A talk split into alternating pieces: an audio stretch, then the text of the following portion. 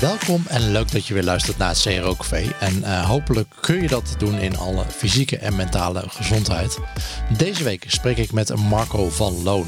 Hij studeerde ooit economische psychologie in Tilburg. Heeft ruim 20 jaar gewerkt voor Rabobank Nederland, waarvan de laatste 5,5 jaar als senior UX researcher. Vorig jaar besloot hij dat het tijd was voor een job aan de agencykant en werkt hij nu ruim een half jaar als lead usability research bij Matrix Lab.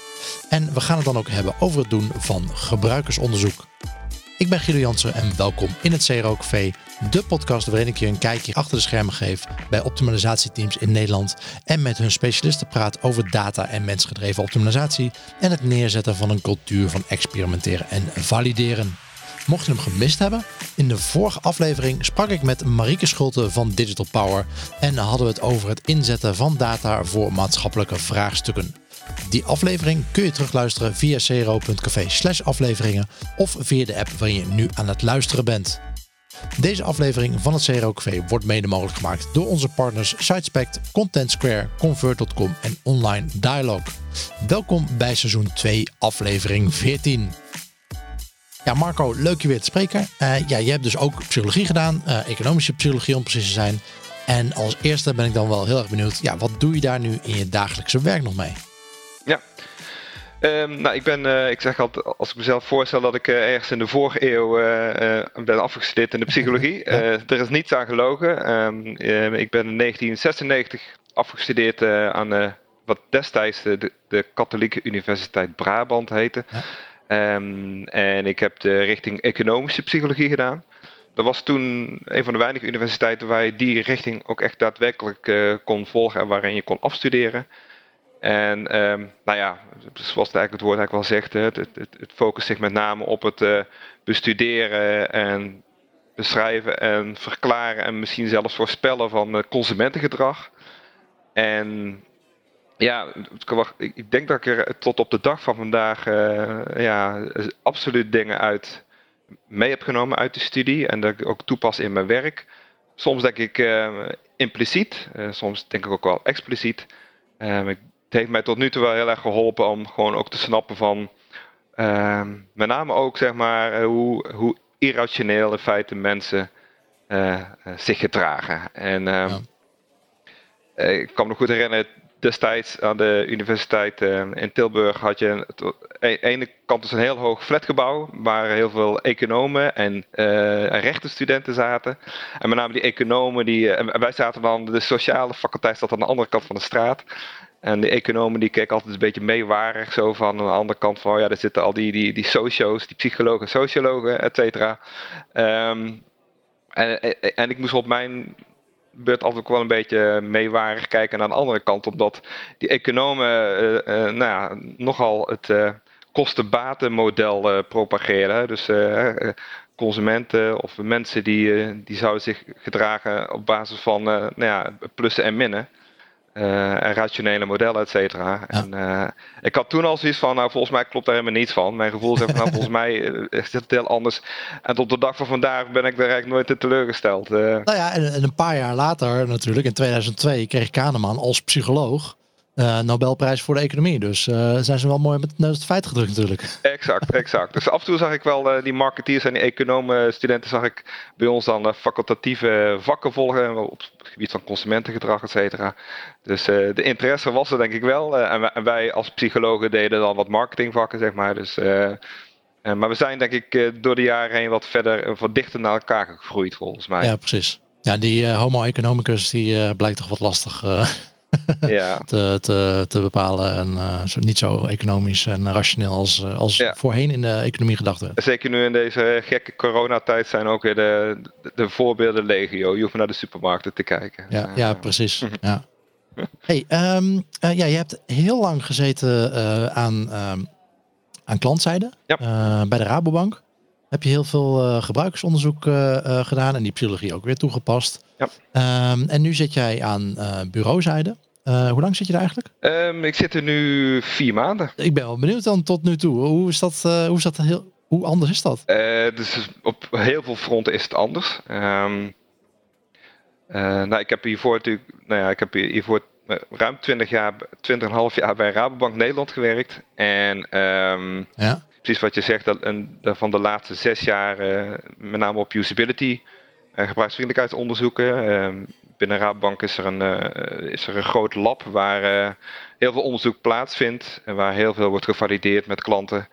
Ehm, met name op het gebied van de website en op het gebied van de mobiel bankieren app. Ja, eh, nou ja, er is een aantal verschillen. Heel duidelijk is natuurlijk uh, de branche. Ik, zit nu bij Matrix Lab. nou, doe onderzoek voor een, een, grote diversiteit aan opdrachtgevers uit verschillende branches. Um, ja, dus ik ben nu ja, weg uit die financiële hoek, zeg maar. En, en, dat was ook een van mijn redenen, want daar had ik gewoon ontzettend veel zin in. Dat van, oké, ik heb nu aan klantkant heel veel ervaring opgedaan, uh, maar met name wel ja, binnen de financiële dienstverlening. Dus het ging natuurlijk logisch altijd over producten, over, uh, over diensten, over sparen, betalen, hypotheken. Uh, het altijd maar over geld. Altijd maar over geld. Nou ja, um, ik, ik heb me altijd wel binnen Raadbank altijd wel voorgenomen om in ieder geval altijd genoeg van de producten en de diensten te weten. Um, maar um, ook, ook weer niet tot, tot, tot een detail. Want waar het mij binnen Raadbank en nu eigenlijk in mijn huidige job ook altijd om gaat, is dat ik echt probeer te snappen wat wil, waar heeft die klant en waar heeft die consument nou eigenlijk behoefte aan? En wat wil hij of zij kunnen doen? En ja, eh, een bank is uh, natuurlijk, wordt logisch gekoppeld aan geld. Um, maar meestal zit daar nog wel iets uh, aan de grondslagrectrice onder, zeg maar. Dus, uh, en, en, willen klanten gewoon, ja, die willen fijn kunnen wonen. Of uh, ze willen een business op gaan starten of ze kunnen uitbreiden, et cetera. Geld is meestal niet het einddoel in, in, in dat sens. Nee, voor de meeste mensen toch niet, denk ik, als je ze echt de juiste vragen stelt. Ja, precies. dan kom je erachter. Ja. Hey, en maar heb, heb je dan nu nog steeds wel klanten in de financiële sector of ben je daar helemaal van afgestapt? Nee, nee. Ik, um, uh, ik zou even te denken of ik dit mag zeggen, maar dat mag ik wel zeggen. Uh, nou, je hoeft niet per se klantnamen te noemen. Nee, precies. Alsof ze in de sector zitten, zeg maar. Nee, ja, ik, ik word nu, uh, wat ook Matrix Lab doet, ook onderzoek voor, voor banken.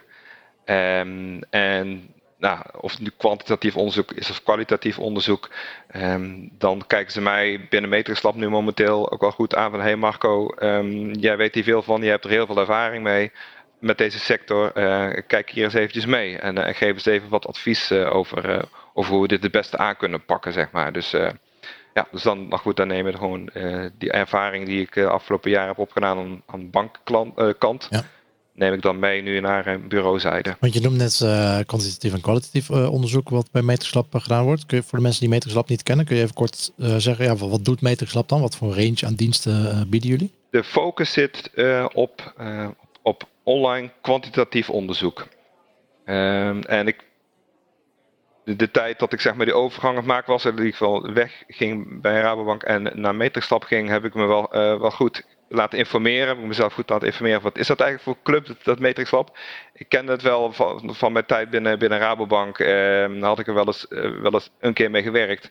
Had ik wel een hele goede indruk van gekregen. En een goede, um, uh, ja, goed gevoel bij gekregen. En ik, ik heb er later nog eens goed laten bijpraten. En een Lab is eh, even een kort stapje terug. Twintig jaar geleden ongeveer is het opgericht ehm, door een paar mensen die uh, grappigerwijs niet zo heel erg veel verstand hadden van onderzoek. Um, maar wel heel veel uh, verstand hadden van hoe kun je ja, online business zeg maar, uh, opzetten en, en, maken. Dus, en ze hebben zich vervolgens laten omringen door uh, mensen die juist wel heel erg veel verstand hebben en hadden van onderzoek. En zo zijn zij jaar in jaar uit zijn zij gegroeid en gegroeid en gegroeid. steeds groter geworden. Um, totdat we uiteindelijk een, een, paar jaar geleden zijn opgegaan in een groter geheel. We hebben nu wereldwijd uh, een netwerk aan, aan bureaus uh, onder een overkoepelend orgaan, dat heet Macromail. En um, ja, we zijn eigenlijk groot geworden door um, door, door, met name online onderzoek aan te bieden aan klanten. Maar dat niet alleen, dat doen natuurlijk meerdere bureaus. maar door tegelijkertijd ook heel slim na te denken hoe kunnen we dat um, softwarematig, hoe kunnen we dat uh, faciliteren. Dus niet alleen het onderzoek uitvoeren aan zich, maar ook vervolgens de, hele tooling en de uh, reporting richting opdrachtgevers. Uh, zodat ook opdrachtgevers snel en efficiënt inzicht hebben en krijgen in de inzichten die voortkomen uit het onderzoek. Dus veel automatiseren van, van inzichten, zeg maar. Exact, dus eigenlijk zoveel mogelijk waar het kan dat automatiseren, zodat het ook, uh, ook makkelijk kunnen schalen en, en, en schaalvergroting kunnen toepassen. Dus daar, zo is Matrix Lab groot geworden. Um, nou goed, in Rotterdam zit uh, het hoofdkantoor, dus er zit ook een aantal die zijn ook een aantal extra staffuncties, zoals uh, finance en uh, juridisch en marketing en, en nou, dat soort meer, meer stafachtige functies. Um, en er zit ja, een heel contingent aan, aan onderzoekers. Um, ja. en met name nog steeds focus op met name kwantitatief onderzoek. Um, zijn mij nu dus een aantal maanden geleden binnengehaald als meer de quali. Online Dialog is al tien jaar een toonaangevend CRO-bureau waar mensen, kwaliteit en kennisoverdracht centraal staan. Ze zijn een specialist omdat ze zich alleen richten op optimalisatie en klantgedrag. Het team zorgt voor online groei en waardevolle inzichten in je bezoekers en optimaliseren samen met jou de verschillende onderdelen van je CRO-programma, zoals websites, sales funnels en customer journeys. Voor meer info ga je naar onlinedialog.nl. Dus jij mag je, je weg uh, uh, ja, vrij vechten binnen, binnen het bedrijf voor, uh, voor kwalitatief onderzoek. ja, exact. En ehm, ook een Matrix Lab heeft, hoe heet, ja, ik maak als een grapje, dit, het lab van Matrix Lab. Um, we hebben binnen, binnen het kantoor in Rotterdam de beschikking over twee usability labs. En um, dat weten misschien veel mensen niet. Maar, er is echt ik ben er wel eens geweest zelfs. Oké, okay, heel goed. Ja. maar dat al een paar jaar geleden. Oké. Okay. Uh, als, als klant of gewoon als, als geïnteresseerde? Of, uh? Nou, als geïnteresseerde. Uh, het was een keer een onderzoek waarbij ik heb meegekeken. Um, omdat ik iemand ken die daar werkte. En omdat, was volgens mij een jaar later of zo, was er ook een keer een, volgens mij een UX Cocktail Hours meetup achter iets daar. Nee, heel goed. Nou ja, dit, ehm, we hebben dus inderdaad de beschikking over lab. En we hebben ook een aantal mensen binnen ons kantoor die um, enerzijds kwantitatief onderzoek doen, anderzijds ook echt ook een feel hebben met kwalitatief onderzoek. Niet iedereen heeft dat, wat ook prima is. Het vergt ook op bepaalde competenties en bepaalde vaardigheden, denk ik, om dat goed te doen. Um, en nou, aan mij de mooie taak om daar een mooi team van te bouwen en daar uiteindelijk ook onze klanten, onze opdrachtgevers te helpen bij het oplossen van hun, hun vraagstukken. En uh, ook in, indien daar kwalitatief onderzoek voor nodig is, om dat ook uh, aan te bieden. Ja, ik vind dat wel het mooie, en dat, dat zag ik toen ook weer terug, dat, dat je. Um, en volgens mij, toen, toen bij Meterslab ook vooral een uitdaging inderdaad van um, er komen uh, klanten of, of nou, consumenten naar je kantoor om dat onderzoek te doen. Je gaat dat onderzoek doen. Ja. je gaat vragen, vragen stellen of je gaat door cases heen. En jullie hebben een hele, hele mooie meekijkruimte ook. Dat dus jullie klant, zeg maar, dus de, de, de, I don't know, de partij die de webshop heeft, ja. die hun klanten wil laten langzaam, die, die partij die jullie betaalt, die kunnen gewoon meekijken bij de, met het onderzoek. En je ziet dan heel vaak dat inderdaad de eerste paar consumenten die wat doen, ja, die zijn gewoon zijn waarschijnlijk gewoon dom of zo. Of die zijn niet zo handig met online of wat dan ook. en, en hoe meer, hoe meer van dat soort consumenten uh, cases er gedaan worden, dat zien, zien het besef binnenkomen van, oh ja, shit, misschien ligt het toch eigenlijk wel uh, aan, aan, aan onze website of onze, onze producten die we aanbieden. Ja. Super grappig om dat, uh, dat te zien. Ik, ik wilde je al bijna corrigeren, maar je, je, had hem zelf ook al gemaakt. Nee, dat, dat klopt helemaal. Dus, en dat, dat zien we natuurlijk ook heel vaak. En eh, eh, ik benadruk altijd ook wel bij, bij iedere test en bij iedere respondent die we ook zien, die we spreken.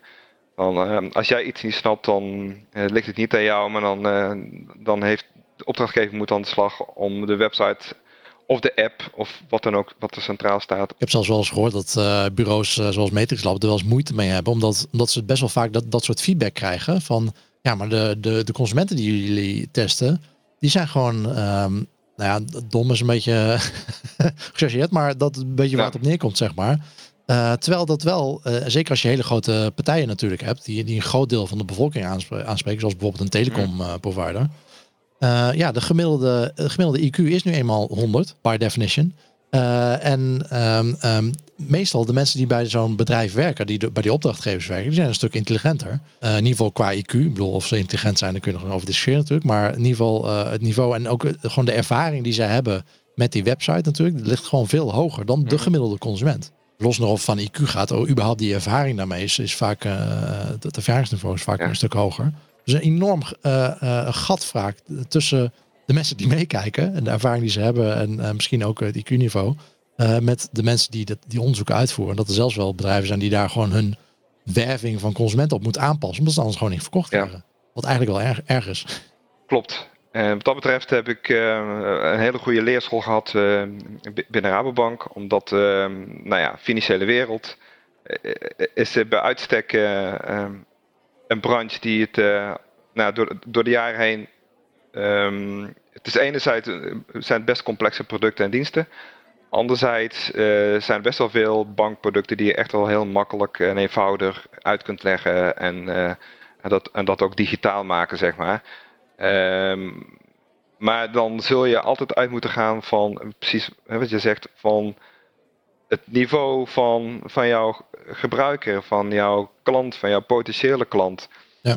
En um, dat moet gewoon altijd het uitgangspunt zijn. En uh, dat zien we nu inderdaad bij onze opdrachtgevers soms ook.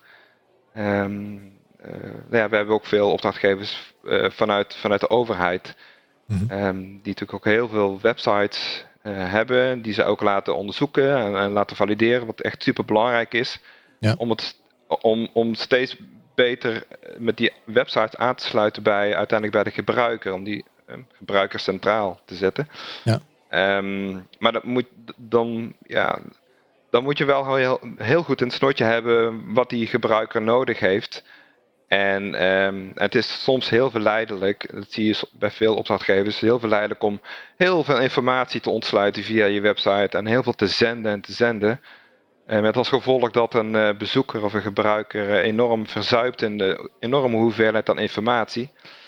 Met als gevolg dat die bezoeker bijvoorbeeld gebruik kan maken van de zoekfunctie op een website. die uiteindelijk dan niet optimaal werkt of gewoon helemaal niet werkt soms.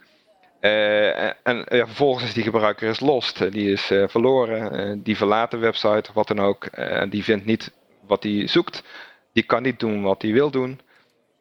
nou, en nogmaals, dan ligt het dus niet aan de tussen aanhalingstekens domme gebruiker, maar dan moet denk ik met name de opdrachtgever aan de slag om, om de website te, te, heroptimaliseren. Ja, precies. Ja, het hangt natuurlijk helemaal van je doelgroep af uh, wie, wie je in zo'n test moet meenemen. Wil je je huidige gebruiker of wil je potentieel nieuwe gebruikers? En kijk, als jij Ja, high-end computers systemen verkoopt aan, aan mensen die in de IT zitten, ja, dan heb je waarschijnlijk een iets ander bezoekersprofiel dan wanneer je een telecom of een, of een bank bent. Dat klopt. En ik, ik zeg altijd eh, als je echt goed onderzoek wil doen, dan uh, die scoping is zo enorm belangrijk. Dus als je echt, als het begin al, als je dat al goed strak trekt, en um, dan heb je de rest van je onderzoek daar enorm veel profijt van. En bij het begin, daar daarbij doe ik ook op het scherp krijgen van het profiel. het is ontzettend pijnlijk en wanneer je tijdens het test erachter komt dat, uh, ja, de, dat, dat die respondenten niet helemaal aansluiten bij wat je, bij wat je uiteindelijk uh, nodig hebt. Zeg maar. dat, dat kan gebeuren. Uh, dus des te belangrijker dat je vooraf gewoon heel goed met de klant in overleg gaat van oké, okay, wie willen we straks aan, aan, tafel hebben we. ja. want als, als, dat, als je dat scherp met, met elkaar hebt gemaakt, dan heb je daar later in je onderzoek alleen maar profijt van. Ja, ik, ik, ik ben daar laatst nog keihard in gefaald. Ik had, uh, dat was drie weken geleden, voor een, uh, uh, voor een klant, voor een business-to-business -business, website. Ze gingen een nieuw project doen, maar ze wilden hun huidige website nog geëvalueerd hebben met de huidige gebruikers van het systeem. Nou, ik heb het ook een paar keer op hun hart Ja. gedrukt van ja, er moet wel gebruik zijn van dit systeem. Dat hebben we meerdere keren herhaald en ik zit daar die dag. door cases een interview met zes personen. Er was er eentje die daadwerkelijk een gebruiker was van het systeem. en de anderen uh, hadden, ze hadden Oké. ervaring met andere bestelsystemen in het, uh, in het uh, bedrijf. Of ze hadden ook, um, hoe heet het, ze hebben, het is, een, het is een, deels een franchise-organisatie, dus ze hadden ook franchises georganiseerd, maar die werken weer met een ander systeem. Allemaal ervaringen met het bestellen van dit soort producten, maar niet in dat systeem. dus op zich, er Ja. zat wel iets van waarde in, maar niet helemaal specifiek waar dat onderzoek voor bedoeld was. Dus ja, dat, die scoping in het begin, super belangrijk. Nee, en, enorm. En um, dat is op zich soms ook weer een inzicht aan zich dat je, dat, dat je mensen hebt uitgenodigd. Bijvoorbeeld inderdaad, uh, mensen, als je op een website waar je dingen kunt bestellen, boeken, tijdschriften, abonnementen, et cetera.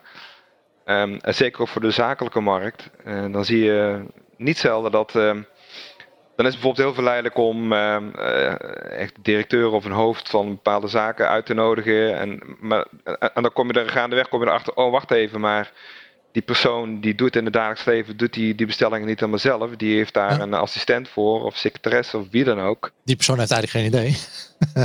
nee, dat is op zich een inzicht als zich. Of die persoon die begint misschien en, en die komt er na een paar minuten achter van, oh, dat is veel, veel te ingewikkeld.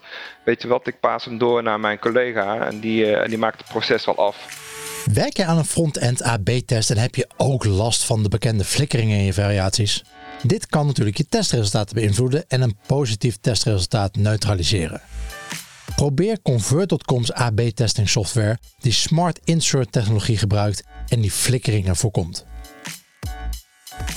Vijf keer snellere support via 24/7 chat, de helft goedkoper en het bedrijf is daarnaast maar liefst 15 keer carbon positive. Je doet dus jezelf, je bedrijf en de volgende generatie een plezier door hun website convert.com sneller eens te bezoeken. Ja, zeker bij, bij business-to-business oplossingen of interne systemen. Ja, dan ben je natuurlijk volledig van de opdrachtgever afhankelijk. Uh, van, het, uh, van het aanleveren van die, van die uh, participanten voor het onderzoek. Er zijn meerdere sporen wat dat betreft. En binnen Matrix Lab maken we van verschillende sporen gebruik. we hebben ons een eigen ja, groep, een, een, echt een pool aan mensen waar we uit kunnen putten. Um, we maken gebruik van heel veel verschillende recruitingsbureaus.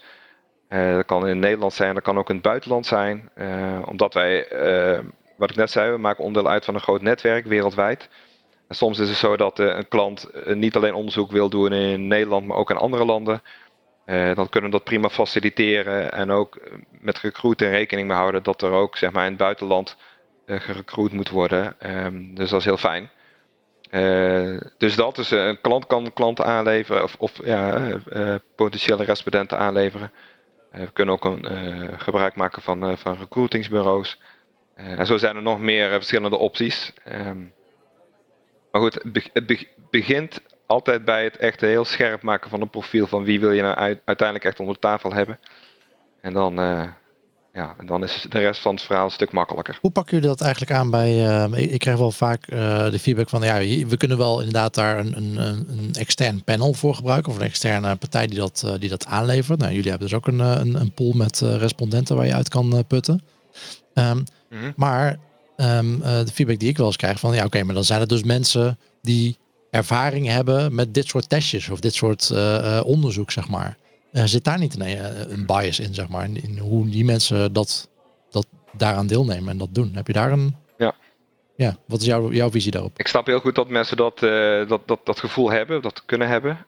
Wat wij, wederom een beetje herhaling, je begint altijd bij het profiel. Wie wil je uit, wat voor type mens wil je hebben, met welke achtergrond. van, en goed, um, dat... En, en, en, bovendien houden wij ook heel goed bij uh, hoe vaak iemand is uitgenodigd. En volgens mij hebben wij zo'n soort van regel dat iemand niet uh, meer dan twee keer per jaar zeg maar, opgeroepen mag worden voor een onderzoek. Okay. Uh, omdat anders, om te voorkomen dat, dat je een soort van beroepsrespondenten gaat krijgen. En, en, en, dat willen we voorkomen. Dus, dus dat. En ik, ik vraag ook regelmatig, als de respondenten zijn uitgenodigd en, en, ze komen bij ons op bezoek, uh, wat, hen eigenlijk, wat hen eigenlijk beweegt om mee te doen. Uh, en, en, ja. um, want ik krijg ook wel eens uh, de kritiek van, hey, ja, die doen het dan voor het geld, die mensen. Um, maar ik, ik heb al heel veel respondenten in de ogen gekeken en dan vraag ik van, hè, waarom, waarom doe je hier aan mee? En 99 van de 100 keer is het echt van ja, ik, ik, vind, ah, ik vind het gewoon interessant om mee te denken met een product of met een website of met een dienst. En ik vind het gewoon heel tof om daar aan, aan, mee te werken, om het te verbeteren. En dus dat. Dus de mensen hebben wat dat betreft wil gewoon heel graag een bijdrage leveren. Uh, en zijn misschien nog wel een klein beetje nieuwsgierig van hé, hey, wat, wat ga ik hier te zien krijgen? En waar zijn sommige bedrijven, waar zijn die mee bezig? Ja. Uh, dus ze doen het dan echt ook vanuit een intrinsieke motivatie om, om het beter te maken. en, en niet zozeer om die paar pegels. Ja, precies. Hey, maar over, over bijdrage gesproken, denk jij dat, nou, we zitten nu allemaal thuis. Ja. bedrijven hebben het, nou ja, het gros van de bedrijven heb je twee opties volgens mij. of het gaat een paar keer over de kop nu en super veel aanvraag naar wat je hebt. of het gaat super slecht, 90% van je omzet en traffic is weg. hoe kunnen wij als psychologen of CRO-specialisten of, of usability experts, hoe kunnen wij nou hier die bedrijven mee helpen? Heb je daar een idee van? Um, ja, uh, ja we, we, zijn er zelf ook over na denken. En uh, boel, heel veel van, onze opdrachtgevers worden geraakt. En uiteindelijk uh, wordt eigenlijk de hele keten wordt geraakt door, door het virus. Um, ja, ik voel het best wel een, mooie vraag, maar ik heb geen pasklaar antwoord. Um, het is natuurlijk, ik bedoel, gewoon, gewoon business, business as usual. In, in de zin van, wij zijn natuurlijk als beroepsgroep heel goed in het verzamelen van, van klantinzichten. Die klantinzichten zijn natuurlijk nu ontzettend aan het veranderen. Of tenminste, het, het klant, klantgedrag verandert heel erg. Um, ik vraag me wel alleen wel af van wat, wat, heb je eraan om. Het ligt een beetje aan hoe lang het duurt, zeg maar. Kijk, als dit twee weken duurt, of drie weken, ja, ja dan, dan heb je er daar misschien heel weinig aan. Um, want het duurt natuurlijk even voordat je de inzichten verzameld hebt. Maar is dit iets wat op lange termijn impact gaat hebben? Dat soort dingen wil je wel eigenlijk, ook al zeg maar als het uh, weer voorbij is, uh, mocht het gedrag nog steeds veranderd zijn, of, of in ieder geval een soort van aangepast zijn, dan wil je daar wel op kunnen inspelen zo snel mogelijk. absoluut. En ik, ik denk dat het ook, ook weer heel veel kansen gaat, gaat, bieden voor bedrijven, omdat noodgedwongen, ja, word je eigenlijk, je wordt gedwongen om creatief te zijn, om misschien een keer de boel op een andere manier aan te vliegen. Ehm, ik zie dat nu thuis ook, uh, mijn zoontje die thuis uh, onderwijs krijgt en alle opdrachten aan het uploaden is via Teams en zelfs een gymles aan het uploaden is. Um, en ik denk dat dat bedrijven, voor bedrijven ook geldt dat ze even een pas op de plaats maken en, en, en tijd hebben, noodtoedongen, maar om eens een keer bij zichzelf te raden gaan, oké, zijn we nog de juiste dingen op de juiste manier aan het doen? Of kunnen we misschien naar de toekomst toe bepaalde dingen anders gaan doen. Ehm, eh, en ik denk dat we daar als, als, als psycholoog absoluut eh, een, een, bijdrage aan kunnen leveren. Ehm, want ik denk tegelijkertijd dat nu is het, uh, het gedrag van mensen is nu drastisch veranderd. Noodgedwongen. Uh, veel mensen zitten thuis en, en werken vanuit huis. En uh, proberen elkaar toch, om, toch nog te connecten via allerlei technische ontwikkelingen. En ik denk op, op de lange termijn, eh, denk ik dat het consument, consumentengedrag niet eens zo enorm veel verandert. In die zin, ik bedoel met name dan de, eh, de, de onderliggende behoeftes. Die, uh, die zijn denk ik al, al eeuwenlang bij wijze van spreken redelijk stabiel. Ja, we willen nog steeds allemaal gewoon goede wifi. Dat als eerste. Daarna willen we goed eten. ja, maar ik denk ook, uh, ja, ik denk, maar ik denk ook qua, uh, als, je, als je er wat verder kijkt en hoger in die piramide uh, online en websites, ik denk dat veel mensen, of, of, of, apps, en mensen willen vaak gewoon willen het gemak, gemak en snel. ze willen ze nu dan ook bevestigd worden dat ze, dat, die, dat ze de juiste dingen aan het doen zijn. Um, en dat het device of, een, een, of dan een website is of een, of een app, dat die ook een soort van feedback geeft van hey, je bent inderdaad goed bezig. Uh, ga vooral zo door. Um, en uh, dat het ook uiteindelijk ook zeg maar een soort van oplossing of alternatieven biedt aan, aan klanten. Um, maar ik denk belangrijk is met name ook dat, ja, dat, dat we heel erg gaan insteken op, op gemak en, het, en het geven van bevestiging. Dat, dat zag ik met tijd bij Raadbank ook al. Um, uh, als klanten een beetje onzeker worden en ze zijn op een website of op een app zijn ze met iets bezig, maar ze snappen niet helemaal of ze de juiste keuzes maken. Uh, of dat ze die, keuzes die ze maken, of die goed zijn voor henzelf. Uh, dan is het super belangrijk dat ze daarin op een of andere manier worden bevestigd. En dat, is, dat was altijd zo, dat is nog steeds zo. En ik denk dat het naar de toekomst toe ook zo, zo zal blijven. Alleen de wijze waarop mensen bevestigd worden, dat, vroeger was dat een adviseur of uh, die tegenover jou zat en die jou uh, in je ogen keek en jou uh, op je schouders klopt oké, goed. En, en, dat is door de jaren heen veranderd en dat is digitaal geworden. En naar de toekomst toe zijn er misschien ook weer andere ontwikkelingen en andere technologieën die daar weer bij gaan assisteren.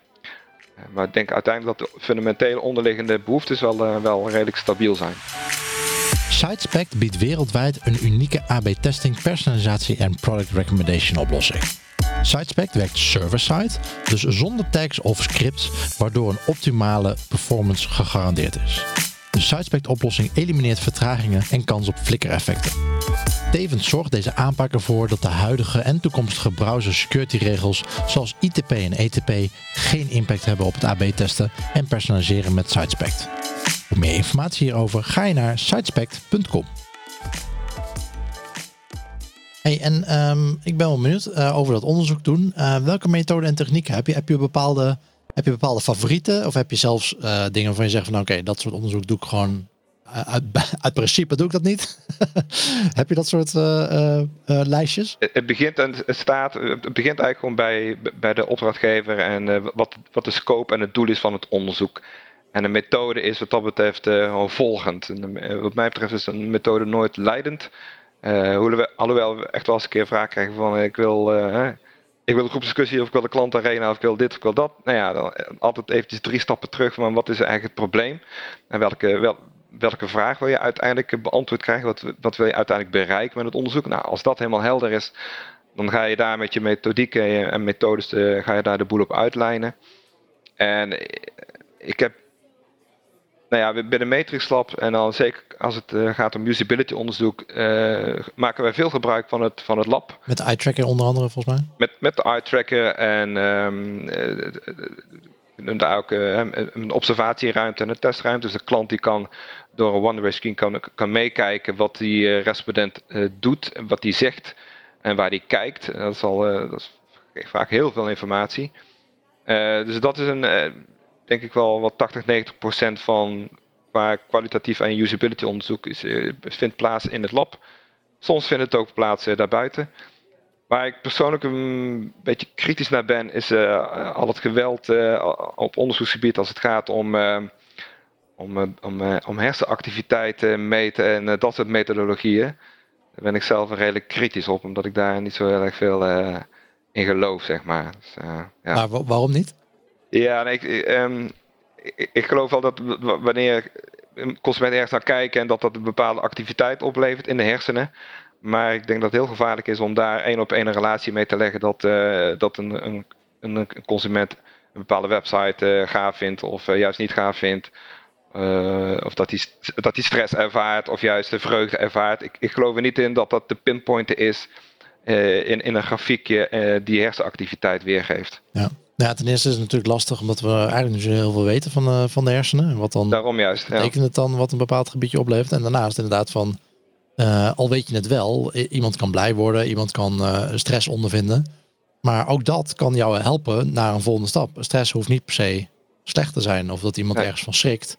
Um, dat kan ook een soort bewustwording zijn van iets, zeg maar. Ja. Um, en het kan wel, het kan wel jouw boodschap boodschap helpen of je, je doel van jouw website helpen. Uh, dat weet je dan natuurlijk nog niet uh, per se, wat het effect is. Ja. Nee, precies, en ik geef er dan toch de voorkeur aan om een respondent te, te, kunnen zien. Uh, ernaast te zitten, in de ogen te kunnen kijken ja. en, en goed, te, goed te pinpointen en goed te luisteren van wat zegt die persoon eigenlijk. Want ook daar is het, datgene wat, wat een respondent zegt en wat hij vervolgens doet, daar zit natuurlijk ook vaak nog een heel groot verschil in. Uh, maar daar hecht ik persoonlijk veel meer waarde aan dan, nou, dan, dan, dan de brain dus, meten van, van hersenactiviteit. Ja. Gebeurt het dan ook wel eens, ik, ik vind het, wat ik heel fijn vind, is het combineren van verschillende onderzoeksmethoden. Bijvoorbeeld, ja. nou, wat je zegt van gebruiksonderzoek doen. Maar ook daadwerkelijk, bijvoorbeeld, nou, ik, ik werk veel met, met webshops. Nou, dan heb je al wat data in Google Analytics vaak, of Adobe ja. Analytics dat combineren met elkaar, dat geeft heel veel waarde. Maar als ik, als ik of de een of de ander gebruik, ja, dan blijven er heel veel vragen openstaan. En nou ja, wat jij net zegt, uh, wat een gebruiker zegt, heeft niet altijd evenveel, uh, evenveel te maken met wat hij daadwerkelijk gaat doen. Uh, nee. Terwijl je dat met iets als Google Analytics juist weer wel naar boven kan halen. Is, dus is, is dat iets wat jullie vaak gebruiken? En, en hoe zetten jullie dat dan in? Nee, klopt helemaal. En, um, uh, binnen Matrix Lab, uh, ik, ik, vertelde er straks een beetje over de ontstaansgeschiedenis en, uh, het, het, zeg maar het, het bouwen van, van, van, van platformen en vanuit, vanuit online ja. snappen hoe je, hoe je dat zeg maar effectief en efficiënt in kunt zetten. En steeds meer die schaalgrootte zeg maar, hanteren. dat is binnen Matrix Lab ook gebeurd met allerhande methoden en technieken.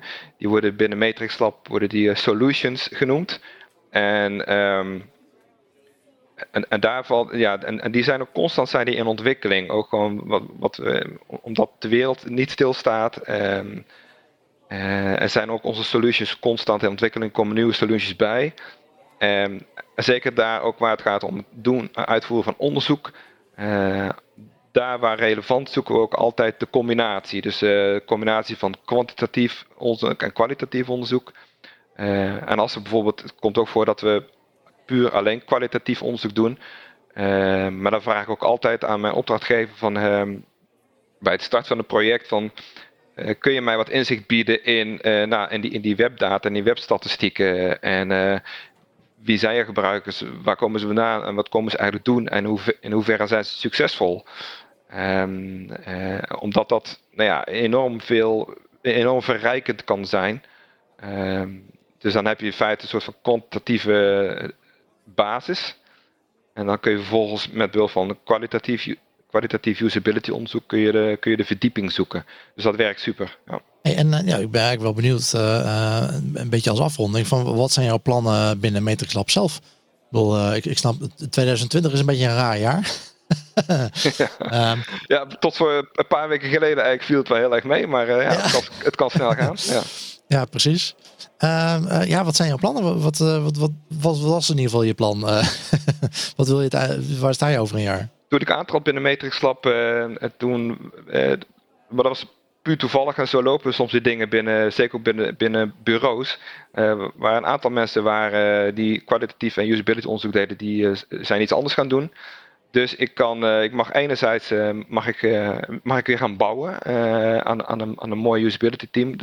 Uh, nou, daar, uh, daar ben ik dan heel hand mee op streek, omdat er, uh, nou, omdat er gewoon een aantal mensen, wat ik straks al zei, die, die, die helemaal into de kwalitatief onderzoek zijn. dus we hebben een mooi team en daar kunnen we verder aan, aan gaan bouwen. Um, tweede is dat ik um, naar die solutions ga kijken. zeker ook daar waar we mooie combinaties kunnen maken tussen kwantitatief onderzoek enerzijds en kwalitatief onderzoek anderzijds. Eh, we hebben ook eh, mooie mix mengvormen. Ehm, ehm, en altijd weer ondersteund met behulp van, eh, nou ja, van de nieuwste technieken en, en de nieuwste platformen. dus daar gaat nog het een en ander op, gebeuren. Um, daarover later meer, denk ik. en ik, derde punt is dat ik, nou ja, ook wat ik net zei, het kwalitatieve onderzoekers verder wil gaan opleiden en gaan coachen. Um, zodanig dat ze nou ja, gewoon zelfstandig de toekomst ook uh, usability onderzoek en andere mooie onderzoeken uit kunnen voeren. En we zijn ook aan het kijken naar ons huidige lab. Het is een prachtig lab en dat werkt uh, helemaal prima. Tegelijkertijd is het ook zo'n 10 tot 12 jaar uh, oud. we zijn ook aan het kijken of we, daar, of dat zodanig kunnen gaan tweaken en kunnen gaan aanpassen. Dat we er in ieder geval de komende 10, 12 jaar mee, mee vooruit kunnen. En dat zijn eigenlijk de vier belangrijke pilaren voor het komende komende jaren eigenlijk. Ja, hebben jullie eigenlijk ook een, eh, een mobiele oplossing voor het lab? Als je, soms moet je natuurlijk gewoon om, om praktische reden naar een klant toe. Ja. Uh, kan dat ook? Ja, dat kan ook. Ja, ja dat, dat, bied, dat, dat kunnen wij ook en dat, bieden wij ook aan. We hebben een soort klein...